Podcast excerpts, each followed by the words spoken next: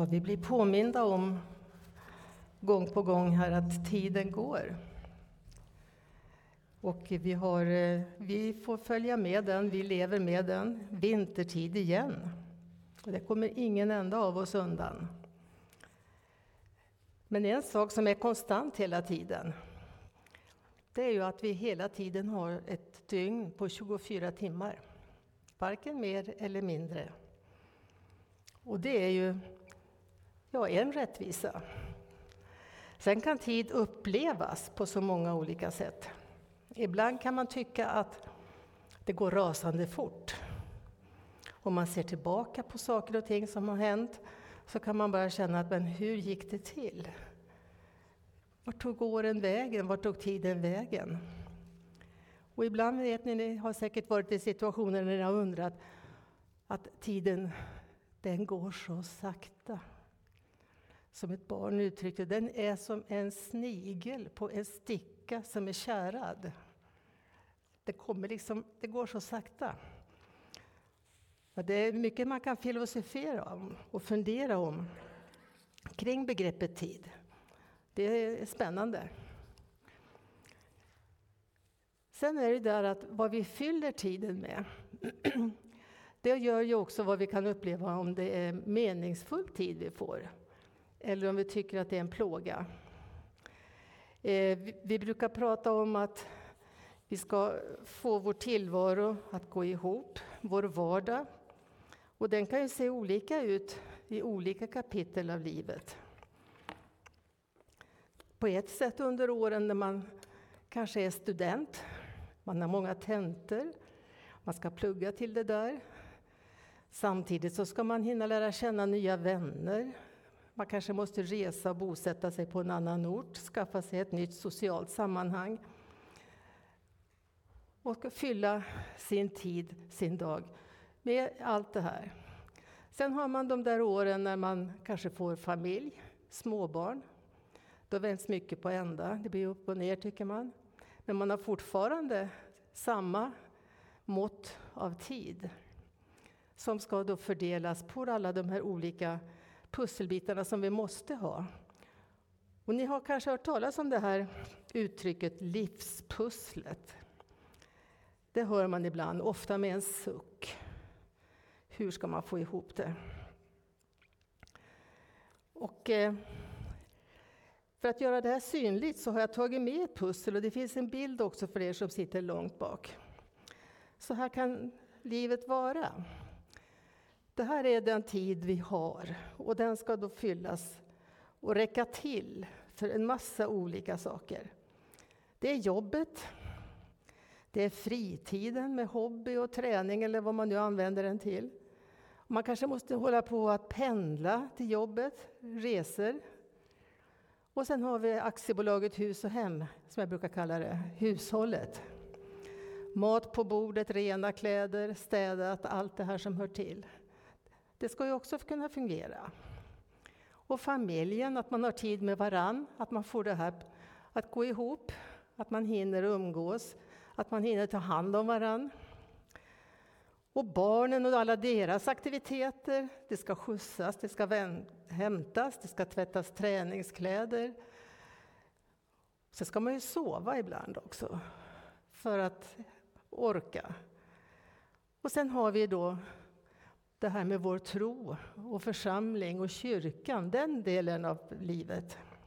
Och du kanske har fler bitar som finns i ditt livspussel, aktiviteter som du har under din vecka. Och som jag sa, så här kan det här variera under livets gång. Och vi försöker hitta olika sätt att balansera det här, att få det att gå ihop i slutändan. Och ibland kan vi känna att vi lyckas. Ibland kan vi känna att det kanske inte gick riktigt lika bra. Och ibland kanske vi går och oroar oss för hur ska det bli nästa vecka? För då är det både det ena och det andra. Så det här är ju något som vi hela tiden har med oss. Sen är ju livet oförutsägbart. För mitt i allt det här, man kan tycka att nu, nu har man det under kontroll något så nära i alla fall. Nu är det så kommer det helt nya bitar. Det kan vara tandläkaren som ringer och talar om att nu har du fått en tid, du kan få en tid här nu för den årliga besiktningen av dina tänder. Ja tack, säger man, men så tänker man, när då? Och den här årstiden så är det också det här att det är dags att byta däck på bilen. Uppe i Norrland där jag växte upp, i Ångermanland, så sa man det att den som inte har bytt sina däck till allhelgona, det är en idiot. Därför att kring den helgen, de här dagarna, så, kunde, så var det väldigt ovanligt att vädret inte slog om. Och jag vet att vi hade en... Eh, I vår kyrka där uppe så hade man under varje år, under, många, under hela min uppväxt och även sen, en eh, månadslång bibelskola på hösten där många från församlingarna i Norrland då kom och hade undervisning och lärde känna varann. Man rekryterades till nya arbetsuppgifter och så vidare. Och eh, när man bodde där uppe så var man ju med på en del samlingar ibland. Och, och eh, hösten 71 så hade jag möjlighet att ta tjänstledigt ett par veckor så jag var med. Då var det en kille som eh, ville lägga fram ett viktigt böneämne. Han reste sig upp i kyrkan, och det var eh, en stor kyrka med mycket folk. Och han, hans böneämne var att jag vet att i den här stan, i den här församlingen, så finns det flera stycken som äger bilaffärer. Och jag vill att vi ska be för dem, att de kan känna sig manade att skänka vinterdäck till oss fattiga evangelister. Det var Martin Tornell, var en av lärarna på eh, bibelskolan där. Han tog till orda och förklarade att sådana böner kan vi inte be. Gud har gett oss ett förstånd och vi har en kalender vi lever efter. Använd förståndet och håll koll på almanackan. Sen tar vi vårt eget ansvar. Vänta dig inte att bilhandlarna här, det fanns några stycken, helt plötsligt ska komma och skänka dig vinterdäck för att du har försummat att kolla din kalender. Vi har ett eget ansvar. Men ibland blir den här ekvationen helt omöjlig. Och man känner då att någonting måste man minska ner på. Någonting måste man flytta om. Någonting kanske man måste ta bort för att kanske spara och hitta mer tid. Och då är det ju väldigt, väldigt lätt att det kan bli den här pusselbiten som står för min tro. Kanske inte mitt böneliv, kanske inte mitt andaktsliv, men det här att engagera sig i församlingen och kyrkan, att det kan få ligga på is ett tag. Jag, jag hinner inte just nu. Tiden räcker inte till. Det här är helt mänskligt. Och ibland kan det vara så att man måste göra det, praktiska skäl. Men jag skulle vilja utmana dig idag. För det här är något som jag har funderat på länge. Att tänka i andra banor. Och det har landat i att för mig, när jag tänker på det här med livspusslet och tid, så har jag upplevt för min egen del att det är den här plattan. Den här som pusslet vilar på. Det är en platta under här. Den är min tro. Den är mitt gudsliv med allt det här som den medför. Tänk dig tanken att den är din tro. Hur känner du då när du tänker så? Hänger du med överhuvudtaget? Och vad händer när, om du börjar tänka så? Alla bitarna ligger ju kvar. Men nu är det inte frågan om att skyffla fram och hitta en plats för din tro. För den finns. Det är den som bär alltihop. Den bär hela ditt liv. Och när, när jag landade i den här tanken så kände jag samtidigt att jag landade i en vila. Att det, eh, det hänger inte på mig att alltid försöka tänka ut smarta lösningar. Jag får lägga energin på att tacka, ta emot och räkna med att han finns där. Och att den här tron finns med i alla livets olika pusselbitar. Jobbet, familjen, pendelresor, barnens aktiviteter, fritiden. Allt. Där finns den med och tar sig uttryck på olika sätt. En tro som bär hela livet. Och jag tror att det är vad människor längtar efter idag. Att hitta det där som kan vara det som man kan vila i. Att få tro, att bottna i någonting större än sig själv. Några av er kanske har följt med här på TV några torsdagskvällar när Anna Lindman har ett tv-program som hon kallar för Andarnas rike. Och hon följer nu med några personer som söker efter det här fast vid lite udda källor. Och de källorna är vi välbekanta med från det område där vi har bott i över 40 år. Och det här är inget nytt, men det är en ny generation som går in i det här nu. De, det, är, det bottnar i en djup, djup längtan efter att få, få ordning på livet. Att få känna att jag är buren av någonting som är större än mig, starkare än mig, som kan finnas med mig när, när livet börjar gunga. När pusslet raseras och det, det skaver. Och vi har ett löfte. Jag ska läsa från Uppenbarelsebokens tredje kapitel. Och det här har du säkert hört många gånger. Det har lästs här i kyrkan många gånger. Du har säkert hört det. Det är när Jesus via Johannes hälsar att jag står vid dörren och bultar. Om någon hör min röst och öppnar dörren, då ska jag gå in till honom och äta med honom och han med mig. Ett erbjudande att få komma in i ditt liv. Att få bli det här fundamentet för hela din tillvaro. Men nu är det så att han bultar. Han kan inte öppna dörren från utsidan. Det är du själv som får bestämma. Ska jag? Ska jag inte? Och det här som han säger att han ska äta, han ska ha en måltid. I den kulturen, och även hos, i, i vår i stor utsträckning, att dela en måltid med någon utanför familjen. Det är ett sätt att visa stor vänskap. Att jag vill lära känna dig. Du är välkommen. Jag vill dela den här stunden, den här kvällen med dig. Genom samtal, att vi delar en måltid. Och ytterst är det också den måltid Jesus inbjuder till i nattvarden.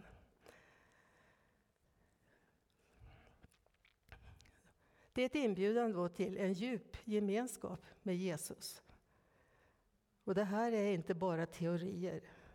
Det här är också en praktisk verklighet. Men eh, betyder det här då att jag får mer tid? Och tid över? Nej, det är inte det det handlar om. Utan det handlar snarare om att tänka på ett annat sätt. Och vi, är så, vi, vi människor vi har, vi har en ansvarsdel i oss. Det här att vi ska ordna, vi ska fixa. Ett ansvar innebär att jag behöver själv ta hand om och ordna det här. Och visst, det finns saker som vi som människor får ta eget ansvar för. Men det är inte att vi ska kunna fixa allt. Vi behöver hjälp. Och det här att bjuda in Jesus i sitt liv och han får bli fundamentet, då har vi ju också en hjälpare.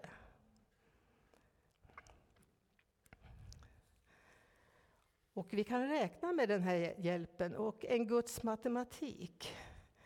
Och jag brukar säga att Guds matematik, i Guds matematik så är det inte så att ett plus ett är lika med två. Det är inte alltid så. Utan det kan vara så mycket mer. En matematik som går bortom vårt tankesätt och hur vi tänker. Det står i Matteus 6, sjätte kapitel där, att eh, er fader vet att ni behöver allt detta. Det är pusslet här. Han vet att vi behöver allt det här. Men sök först hans rike och hans rättfärdighet så ska ni få allt det där andra. Vilken matematik! Att få allt det andra. Och framförallt så innebär det att man, vi erbjuds att få uppleva en vila. Nu har jag sagt det här några gånger, men jag, jag tjatar. Och vi erbjuds att leva ett liv som är överlåtet till honom. Där tron på Jesus då, den bär hela livet. Där allting finns med, helg som vardag, dag och natt. Och att vi får en balans. Och att leva med det mottot, Guds rike först.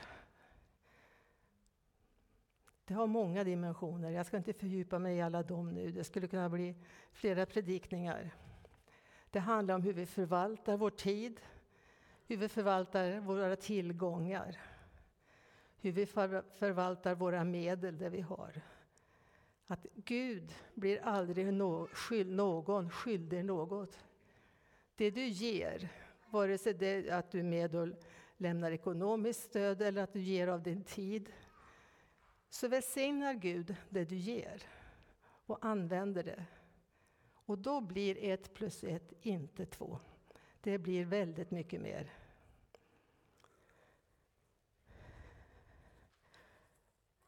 Jag tänkte också att vi skulle titta lite närmare på den här bönen som vi ofta nu läser efter vår, i avslutningen av vår gudstjänst. Jesus, jag ger dig mitt liv.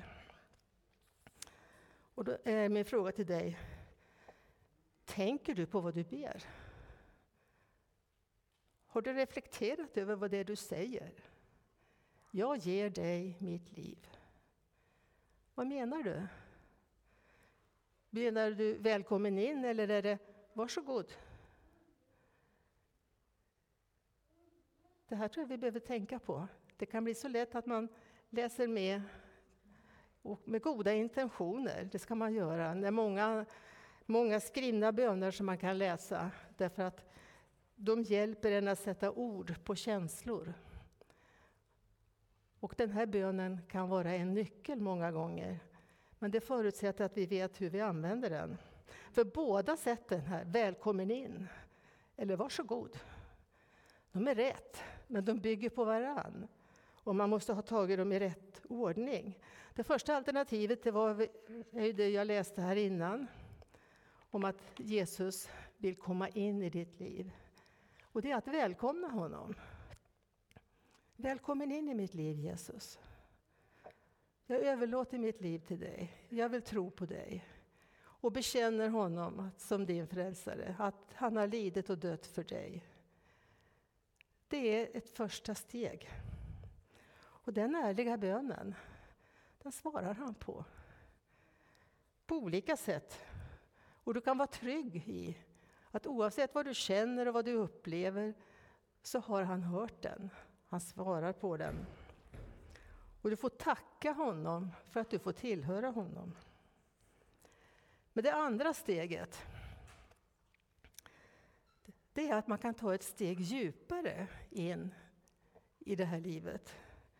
Djupare in i din tro och överlåta livsplaner, ditt sätt att leva, dina funderingar, att överlämna själva rodret eller ratten till honom. Det är nästa steg. Och det kan kosta på. Det kan vara en process. För mig dröjde det fram till 20-årsåldern innan jag riktigt, riktigt landade i att jag behövde det här. Hur ska jag hitta rätt här i livet? Hur ska jag veta? Gud, då får du vara tydlig. Och att få leva sen i en nyfikenhet om vad det är Gud har i beredskap för dig.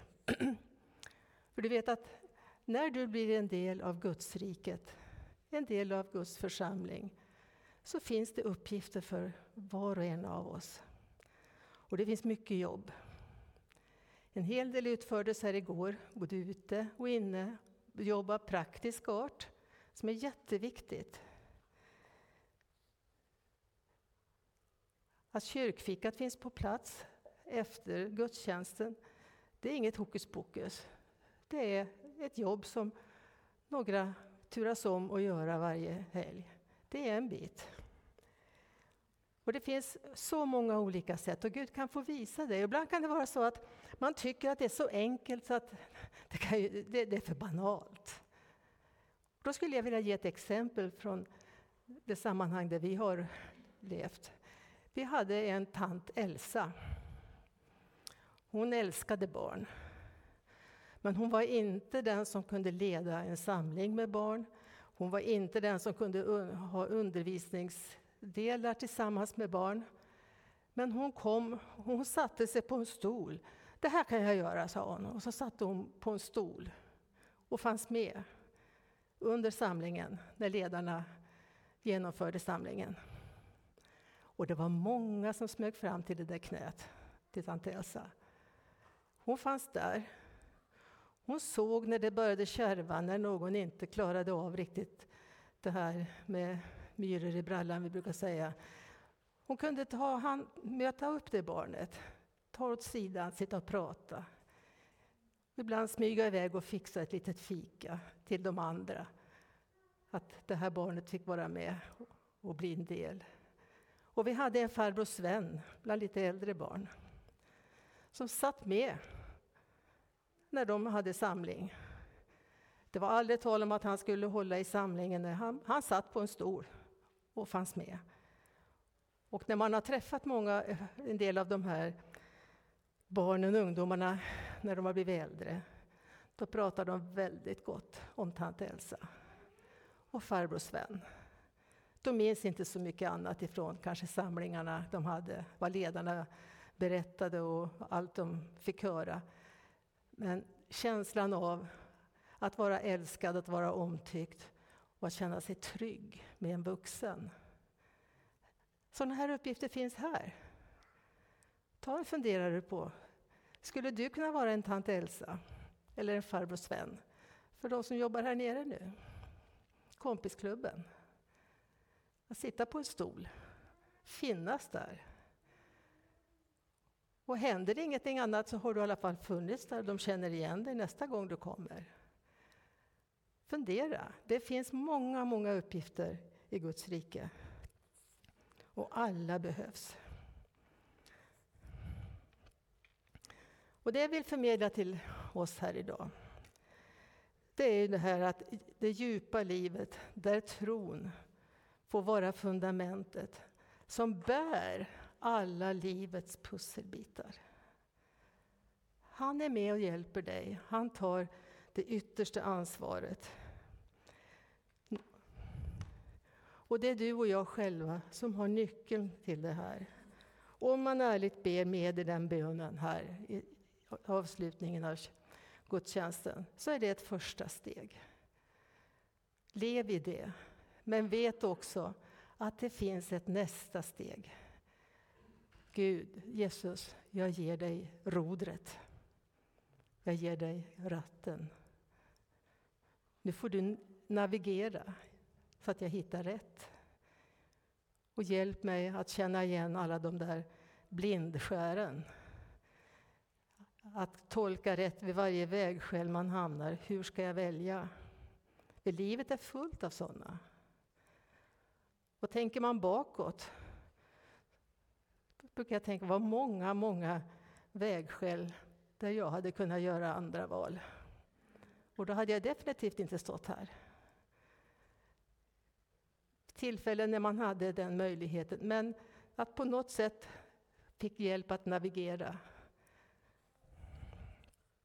Och jag vet att, jag tror och är ganska säker på att det finns flera som sitter här som har egna upplevelser av hur ni har fått uppleva att när livet har blivit knepigt, att ha fått den där lite oväntade hjälpen som är så tajmad att det går bortom vår förmåga att tänka hur gick det här till? Dela med dig av sånt till din omgivning när det blir naturligt. Till goda vänner, i din hemgrupp, där Gud leder dig. För det här kan också vara då en välsignelse, en uppmuntran för någon annan att höra. Och det kan bli en utmaning till någon annan att också höra. Det väcker en nyfikenhet. Och det här som jag fick vid något tillfälle veta flera år efteråt, att en person hade lyssnat till något jag hade sagt i något sammanhang, i samband med att vi skulle byta bil. Och på märkliga vägar så fick vi tag på den. Vi behövde en större familjebil. Och när du berättade om hur det gick till, så, för det var den ena konstigheten efter den andra som hände, omöjligheter, då kände jag så att det där livet vill jag ha. Det fick jag veta många år senare, när jag ringde en av närförsamlingarna för att i ett ärende och hon var den som svarade. Jag visste inte att hon hade gått med i en kyrka, men hon refererade tillbaka till det där långt tidigare. Och jag tänkte jag skulle dela med mig av ett ögonblick när det här hände mig. Jag har flera sådana upplevelser, men speciellt en som jag kommer att tänka på nu. Här i slutet på november, det var helgen vid första advent, för eh, blir det 25 år sedan, så hamnade jag inne på akuten på, i Nyköping. Vi bodde ju i den trakten, så det var ju vårt hemsjukhus. Jag hade en halsfluss, inget konstigt med det. Men det hade blivit att den behandling jag fick hjälpte inte. Så inflammationen hade bitit sig fast och gått ner till struphuvudet. Och om ni har lite sjukvårdskunniga så vet ni att när det går så långt, då är det inte ofarligt. Jag kunde inte svälja, jag hade problem att andas. För då är det struplocket som sitter där och blir det inflammerat, det där som automatiskt stängs när vi sväljer ner mat, för att inte maten ska gå ner i luftstrupen. Om det blir inflammerat, då stänger det luftstrupen. Och jag var rätt illa däran när jag kom in. Och man bytte läkemedel och jag fick ligga på övervak. Och de var väldigt noggranna med det där att den här larmklockan, jag skulle ha den i handen hela tiden. De såg till att jag verkligen låg med armen så att jag hade den i handen. Och dörren var på vid gavel ut i korridoren. Och flera gånger var läkaren inne och pratade med mig och sa, har du förstått hur farligt det här är? Har du fattat det? Ja, så jag hör ju vad du säger. Jag mår inte bra och jag förstår. Och långt efteråt, när, när allt det här var över, så berättade de ju för mig att de hade varit på väg att söva mig ett par gånger där. Men de sa, du var så lugn och du kunde samarbeta så vi avvaktade. Och jag vet att under den här perioden, jag förstod vad de sa och jag märkte ju, jag var ju sällan ensam i rummet. De gjorde sig ärenden in, bara för att titta till mig. Och eh, då tog jag ett snack med Gud och jag sa att är det något fel på mig? Varför känner jag mig så lugn mitt i alltihop det här? Har jag förträngt, förtränger jag det här de berättar för mig? Jag vet att det här är livshotande. Förtränger jag det här nu och så kommer det säga poff bara och sen är paniken ett faktum. Då börjar jag ju larma redan nu.